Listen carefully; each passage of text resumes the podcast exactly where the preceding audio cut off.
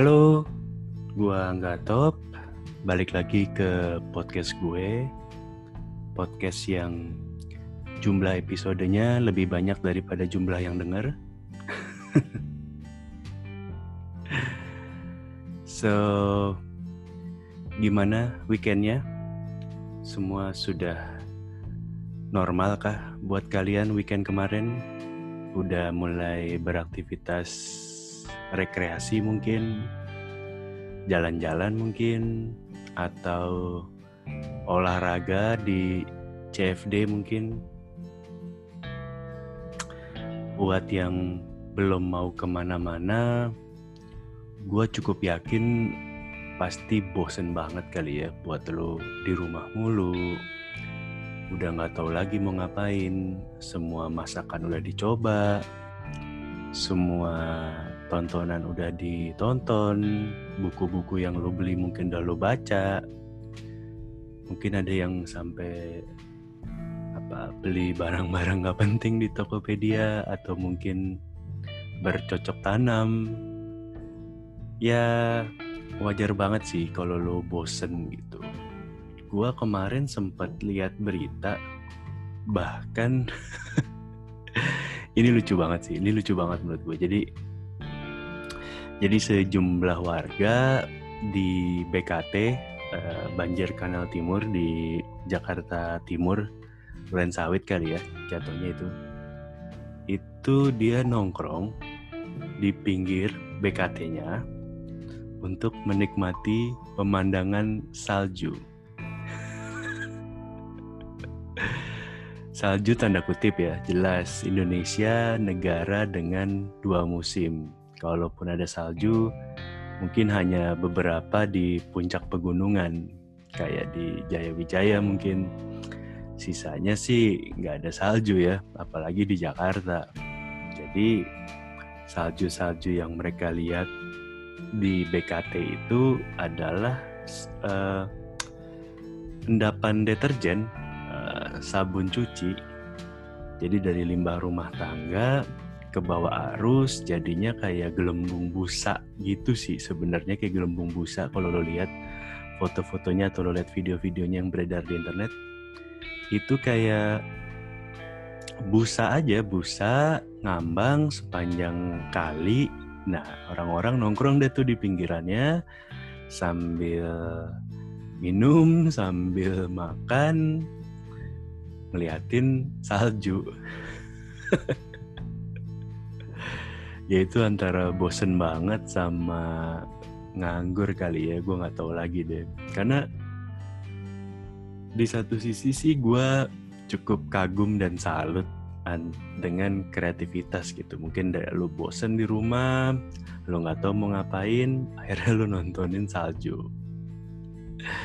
Tapi di sisi lain gue sedih banget ngelihat kalau kok bisa gitu. Maksudnya itu kan limbah apa namanya eh, kotoran sebenarnya yang lu tonton bukan bukan pemandangan yang bagus dan gue cukup yakin itu bau gitu. Lo ngapain menghabiskan waktu lo untuk ngeliatin ngeliatin limbah cucian limbah deterjen di pinggir kali gitu agak gimana gitu. Ya mungkin ya efek samping dari pandemi covid nggak tahu mau ngapain nggak ada kerjaan akhirnya mereka nontonin itu. Ya di satu sisi ya mungkin ini sebuah pelajaran juga atau sebuah kritikan buat pemerintah dalam arti bahwa masyarakatnya ternyata sangat haus akan hiburan sampai akhirnya ya ngeliatin begituan di pinggir kali. Aneh banget sih. Tapi ngomongin ngeliatin sih gue lebih nggak apa-apa deh lu liatin sampah liatin limbah seharian daripada kayak yang jadi pembicaraan hangat di internet di sosial media di sebuah kafe kafe Starbucks ya. Kafe kopi kalau lo nggak tahu Starbucks itu tempat ngopi jualan kopi teh makanan dan segala macam gak jual nasi Starbucks ya btw jadi di Starbucks salah satu Starbucks yang konon di Sunter Mall apa kalau nggak salah. Jadi ada karyawan dua orang kurang jelas juga siapakah mereka sebenarnya fungsinya sebagai pengawas atau bagaimana yang jelas mereka karyawan dari kafe itu dan mereka berdua ngeliat CCTV. Jadi CCTV-nya di, dilihat monitornya dipindah dari satu kamera ke kamera yang lain. Kemudian di salah satu kamera ada angle-nya perempuan di zoom in. Di zoom in ke area toket lah. Intinya kayak gitu dan mereka kayak ketawa-ketawa, nada-nadanya cukup sepertinya melecehkan perempuan tersebut. Nah, gue nggak tahu sih intinya yang pertama kali menyebarkan video itu siapa ke uh, internet ke sosial media karena kalau lo lihat di situ hanya ada dua orang, yang satu sebagai operator CCTV-nya, yang satu yang rekam, jadi cuma berdua doang gitu. Nah, setelah heboh di dunia maya, videonya beredar, si kafenya sih Starbucks jelas sudah ngambil tindakan cepat ya. Mereka ngasih statement resmi bahwa jelas tindakan karyawan mereka itu tidak sesuai dengan nilai-nilai moral yang dianut oleh Starbucks dan kemudian uh, karyawan tersebut juga sudah tidak lagi bekerja untuk Starbucks. Dan kalau nggak salah hari Jumat atau hari Kamis ya gue lupa pun sudah ada berita dari kepolisian bahwa dua orang karyawan tersebut sudah diamankan, ditahan di kepolisian. Yang jadi kontroversi sebenarnya bukan cuman kasusnya, artinya kalau secara kasus jelas menurut gue cukup cukup straightforward ya, artinya pada saat kasus itu ke blow up ke media, Starbucks pun sudah mengambil tindakan tegas dan kepolisian pun sudah menahan. Jadi gue tidak melihat ada isu di sana. Tapi yang jadi kontroversi memang setiap isu pasti menimbulkan sebuah reaksi. Ada beberapa reaksi yang membela pelaku. Jadi akun-akun yang membela pelaku jelas uh, membilang kalau si pelaku tidak bisa disalahkan 100%. Betul pelaku itu salah katanya, tapi yang perempuannya, ceweknya juga harus dilihat dong. Kenapa sih pelaku doang yang disalahkan? Pelaku tidak mungkin melihat toket kalau ceweknya tidak mengenakan baju yang agak terbuka. Gitu. Terus si akun itu juga bilang, gak mungkin lah ada ada semut kalau tidak ada gula kurang lebihnya kayak gitu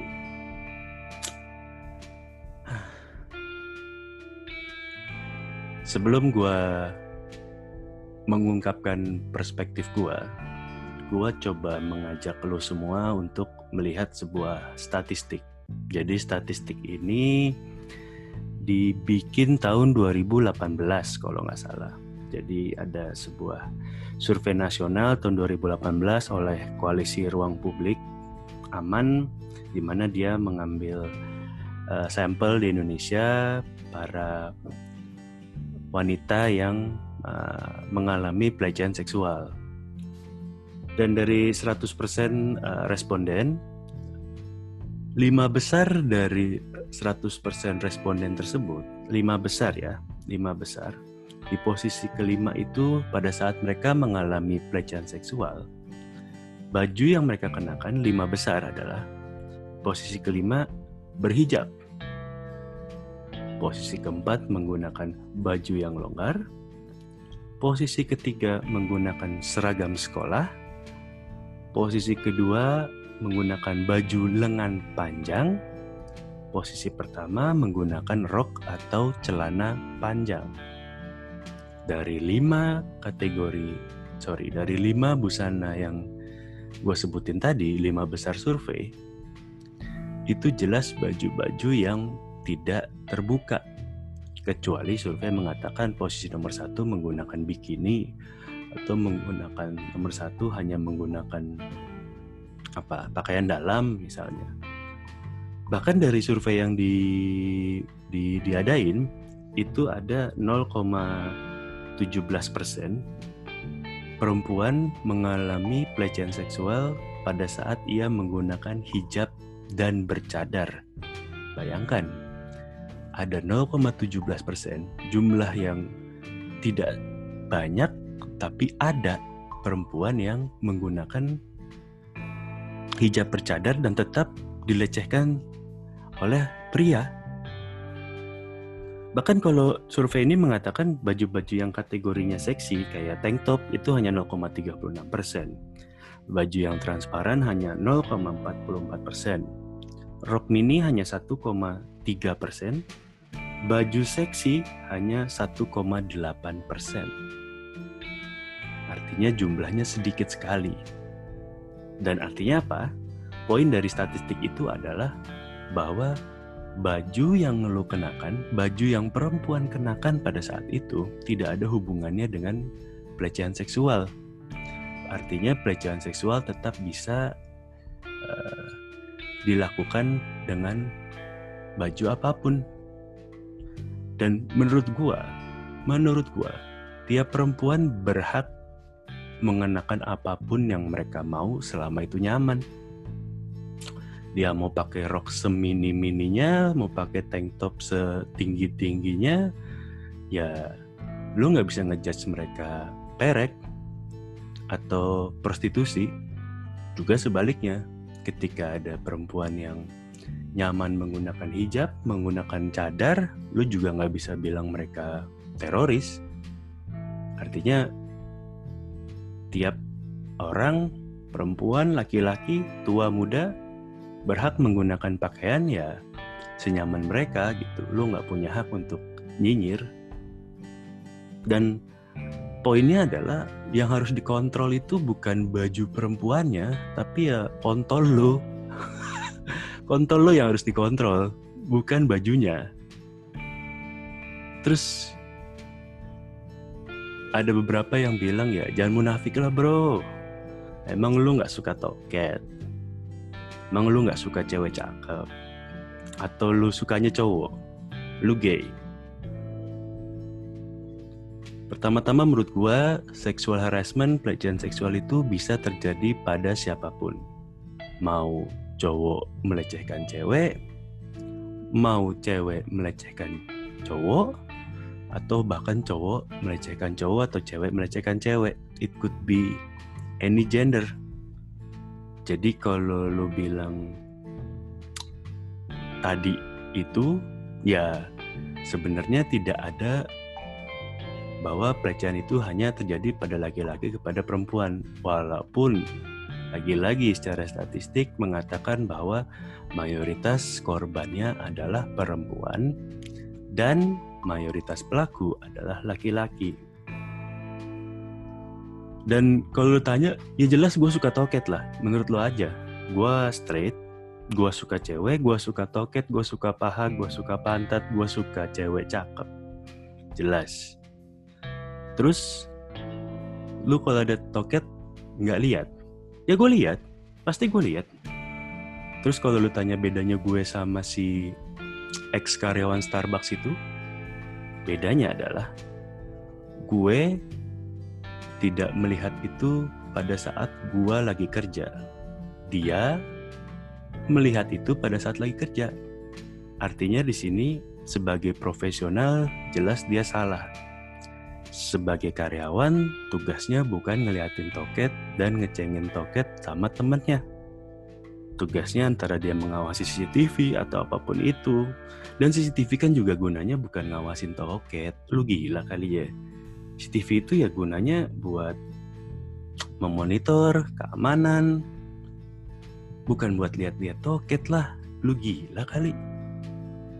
Ya kalau emang lu segitu sukanya sama toket, ya jangan lu lihat di CCTV di kantor lu lah. Lu lihat itu di waktu senggang lu, di waktu istirahat lu, di rumah, di kamar lu, ya itu udah hak lu masing-masing. nggak ada yang bisa ngelarang lu untuk ngeliat toket di situ. Tapi kalau lu lagi kerja, ya lu jangan ngeliat toket lah. Masa iya sih lu nggak bisa tahan sebentar buat nggak ngeliat begituan? Ya sebenarnya ini lagi-lagi cermin dari apa ya?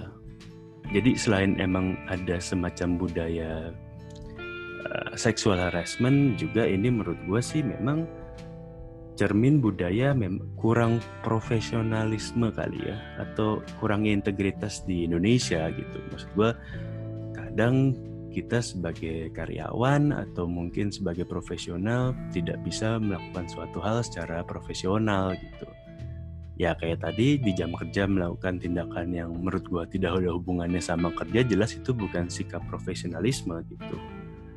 Artinya ya lu sange boleh. Masa ya lu nggak sange? Apa pun uh, orientasi seksual lu lu pasti sange. Cuman ya sange boleh goblok jangan. Masa CCTV lu pakai ngezoom toket ya kalau emang waktu luang lu lu mau lihat toket kayak harian gitu lu lagi libur lagi di rumah ya bebas aja lah. Lu di rumah langganan bokep langganan Pornhub langganan Only You misalnya ya terserah lu duit duit lu handphone handphone lu komputer komputer lu di situlah menurut gua lu punya punya hak buat lihat apa pun yang lu suka semau lu gitu. Dan menurut gue nih lagi-lagi kadang juga ketika lu melakukan sexual harassment kadang yang lu salahin adalah karena lu terlalu sering lihat bokep. Ya lagi-lagi sange boleh goblok jangan. Ngomongin bokep gue rasa 99% mungkin bahkan 100% kali ya Enggak sih, kayaknya enggak 99,9 lah. Setiap orang, terutama laki-laki, pasti pernah lihat bokep, apa pun orientasi seksual lo ya. Jadi, kalau lu bilang gara-gara lu nonton bokep, lu jadi sange, terus lu jadi melakukan pelecehan seksual, ya otak lu aja goblok. Sange boleh, goblok jangan otak dipakai, nurani digunakan. Dan gimana ya? Pemerintah kita kadang efek dari pelecehan seksual ditarik ke banyaknya peredaran video porno, kemudian akhirnya diblokir lah situs-situs untuk melihat bokep. Which is menurut gue sih ya gimana ya kalau memang solusinya memblokir internet hanya demi tidak melihat konten porno, hal-hal yang dilarang menurut gua membuat orang semakin penasaran. Karena memblokir internet atau memblokir bokep jelas bukan solusi dari uh, meniadakan pelecehan seksual. Jelas bukan solusinya menurut gue. Karena satu atau dengan lain hal, bokep pasti akan bisa diakses lewat VPN atau cara lain. Karena menurut gue yang harusnya dilakukan adalah uh, sex education, jelas pendidikan seks sejak dini. Setiap-setiap anak kecil, baik pria, baik anak laki maupun anak perempuan, harus diajarkan untuk uh, menghormati satu sama lain. Diajarin bahwa yang laki-laki harus menghargai perempuan, perempuan harus dihormati. Jangan jadikan sebuah pendidikan seks itu hal yang tabu. Karena gue cukup yakin banyak dari kita gitu, lo, lo semua yang gak pernah ngebahas seks dengan orang tua. Lu mendapatkan edukasi seks dari bokep, lu mendapatkan edukasi seks dari cerita-cerita gitu. Bahkan bukan oke okay lah lu nggak dapat dari orang tua tapi misalkan lu dapat dari tenaga ahli dari dokter dari dari psikolog dari seksolog gitu. Tapi enggak gitu. Lu tidak mempelajari itu di rumah lu tidak dapat itu di sekolah. Jadi ya ujung-ujungnya lo tahu seks itu dari bokep. Padahal menurut gue bokep itu tidak sama dengan sex education gitu. Ya lu lu pernah lah nonton bokep. Oke? Okay? bokep itu settingan. Gue kasih tahu aja bokep itu settingan. Seamatir amatirnya lo klik itu settingan. Jelas gitu. Pertama kenapa sih kalau lu lihat bokep kayaknya orang-orang itu nikmatin banget? Karena mereka dibayar. Mereka dibayar mereka tuh aktor gitu. Dan kenapa lu nontonnya enak? Karena udah melewati proses editing itu sebuah bisnis sebuah industri gitu. Lu kayak nonton film aja. Dan kalau lu bandingkan dengan kehidupan uh, beneran kehidupan sehari-hari seks kadang tidak sebagus itu. Maksud gua tidak sebagus itu dalam arti apa ya? Lu settingan di bokep jelas uh, kasurnya bagus uh, kamar mandinya bagus. Lu bisa ngewe di belakang pintu orang ngetok terus dia bisa sambil palanya keluar doang nggak ketahuan. Menurut gua ya kalau otak lu pada bener lu pasti tahu lah bahwa itu settingan itu scripted itu diedit. Jadi ya janganlah lu belajar seks dari bokep gak nyambung gitu dan intinya sih, lo mau nonton bokep berapa kali sehari, berapa menit sehari. Kalau emang lo bisa mengontrol kontol lo, ya nggak akan kejadian apa-apa gitu. Sange boleh, goblok jangan. Ya, maksud gue, kenapa gue bilang sange boleh? Ya karena sange itu menurut gue wajar gitu. Tapi kan nggak berarti kalau lo sange terus lo jadinya catcalling atau lo meremehkan atau melecehkan perempuan.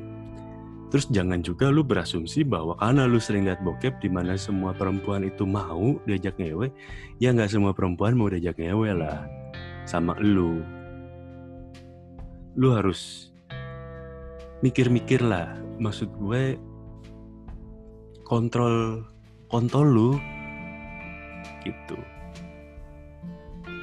dan kalau kita kembali ke komentar si netizen itu yang bilang bahwa ada gula, ada semut, jadi nggak mungkin dia mengandalkan ada gula, ada semut, jadi nggak mungkin si pelaku ngeliatin tete kalau si perempuan bajunya nggak kebuka. Ada gula, ada semut. Pertama-tama itu analoginya salah. Kenapa? Gula itu adalah makanan buat semut. Semut membutuhkan gula untuk mereka survive. Nah, pertanyaannya adalah, emang lu mati kalau lu nggak ngezoom toket atau lu nggak catcalling atau lu nggak melecehkan perempuan? mati lu. Itu cara lu untuk survival. Jadi kalau ada cewek bugil atau cewek pakai baju seksi, harus lu godain, harus lu pakai, harus lu perkosa, harus lu lecehkan. Kalau nggak lu mati. Ya enggak kan? Lu bisa mengontrol kan pikiran lu, lu bisa mengontrol kontol lu kan. Dan semut itu binatang. Emang lu binatang, lu kan orang. Lu punya akal, lu punya nurani.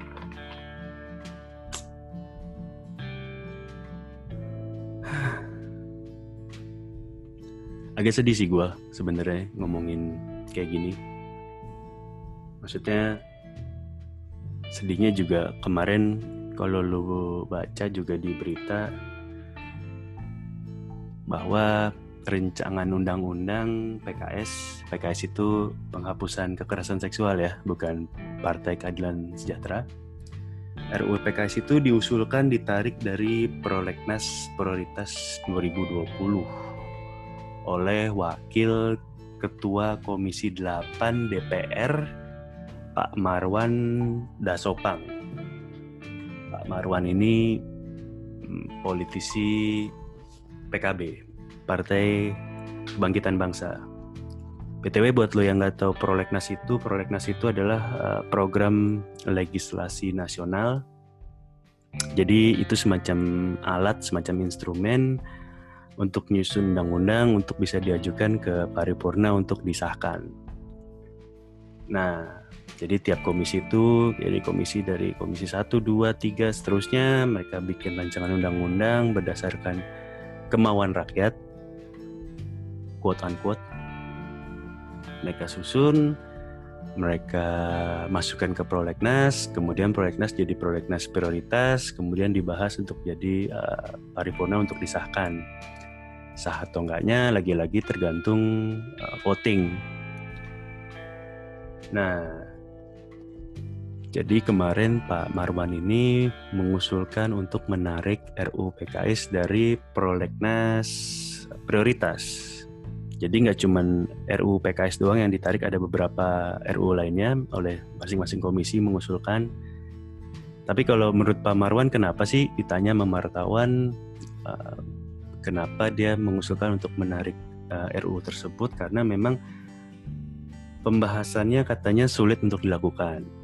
Pertama sulit karena sedang lagi ada COVID, kedua sulit karena lobby-lobbynya katanya jalan buntu, terus ada terbentur judul atau definisi mengenai kekerasan seksual, dan katanya aturan pemidaan pemidanaannya, aturan hukumannya katanya masih dalam perdebatan. Sulit, intinya sulit lah kata si Pak Marwan. Pertama-tama, Bapak Marwan yang terhormat dan seluruh anggota DPR lainnya, menurut gua sih sebagai rakyat yang memilih para anggota dewan, sulit itu bukan jawaban yang bisa diterima menurut gue ya. Maksud gue memang ya kerjaan lo memang kerjaan yang sulit gitu lu tidak dipilih untuk mengerjakan hal yang gampang. Kalau gampang, mungkin jangan jadi anggota DPR gitu. Apalagi kalau lu sebagai seorang pimpinan komisi, maksud gua kalau staff aja harusnya anggota aja, anggota biasa, harusnya pekerjaannya sulit, pimpinan pekerjaannya harusnya lebih sulit lagi daripada anggotanya. Kalian juga kan tidak mengerjakan itu secara gratis, artinya ada ada gaji, ada dibayar gitu. Ya kalau memang sulit, carilah solusinya. Overcome the problem. Find your solution. Get your shit together. Anything will do. Tapi menurut gue nggak bisa lu melepas sebuah RUU hanya karena sulit. Gitu. Amin. Coba lu bayangin kalau misalnya ada pekerjaan-pekerjaan lain gitu ya, bukan anggota dewan, pekerjaan-pekerjaan lain yang ketika dia memang sudah harusnya dibayar untuk mengerjakan profesinya, kemudian dijawab sulit gitu. Kayak dokter gitu bilang, waduh sulit nih kayaknya gitu. Padahal dia belum mencari solusinya gitu.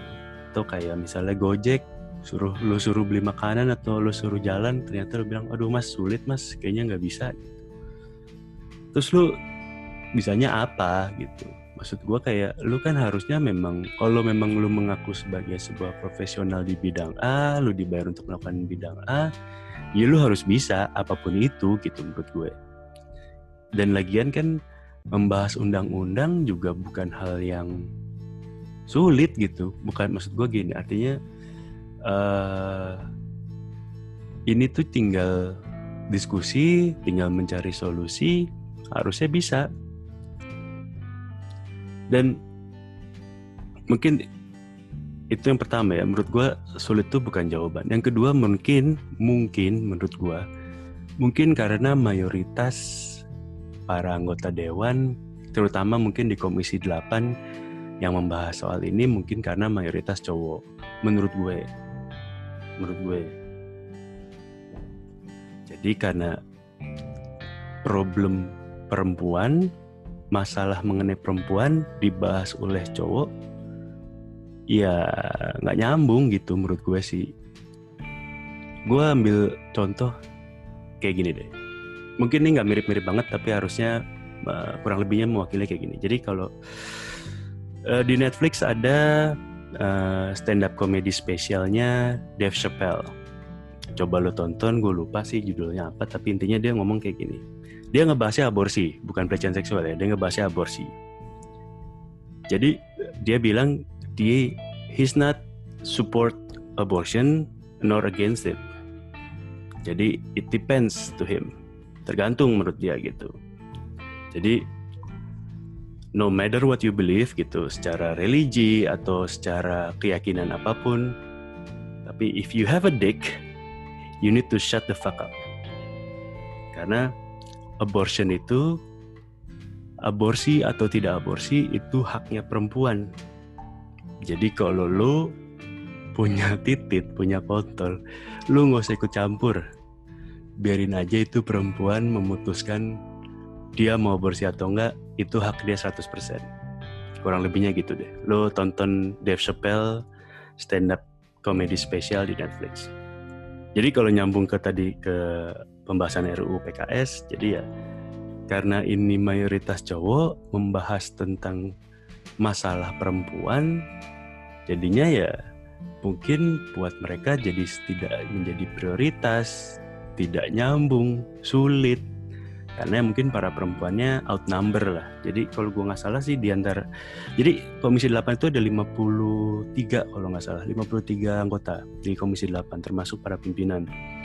Dan kalau nggak salah perempuannya hanya 11 atau 12 gitu artinya cuman seperlima 20 persen. Jadi ya wajar mungkin jadinya tidak terdengar suaranya, jadinya tidak dibahas secara detail, secara uh, runut, secara perspektif perempuan.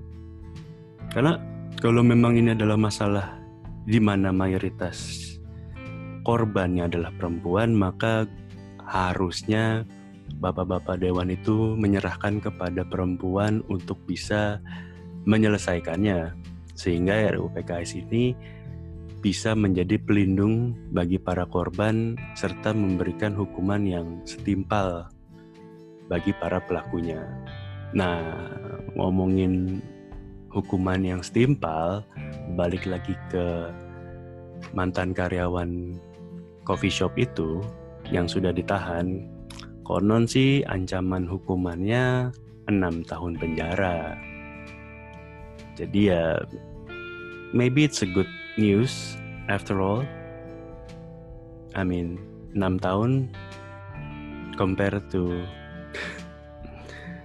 kemarin yang nggak sengaja nyiram cuma setahun, 6 kali lipat hukumannya jadi ya buat lo yang sekarang coba-coba ngintip lagi lewat CCTV atau mencoba melecehkan, jelas hukumannya lebih berat ketimbang kemarin nyiram air keras ya So I think it's a good news. Lumayan lah daripada tidak ada good news sama sekali.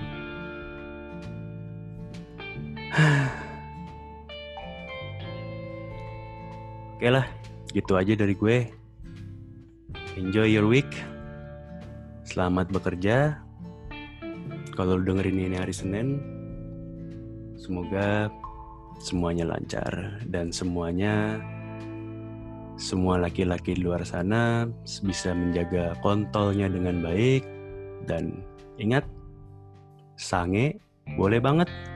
Goblok jangan. Thank you for listening. Goodbye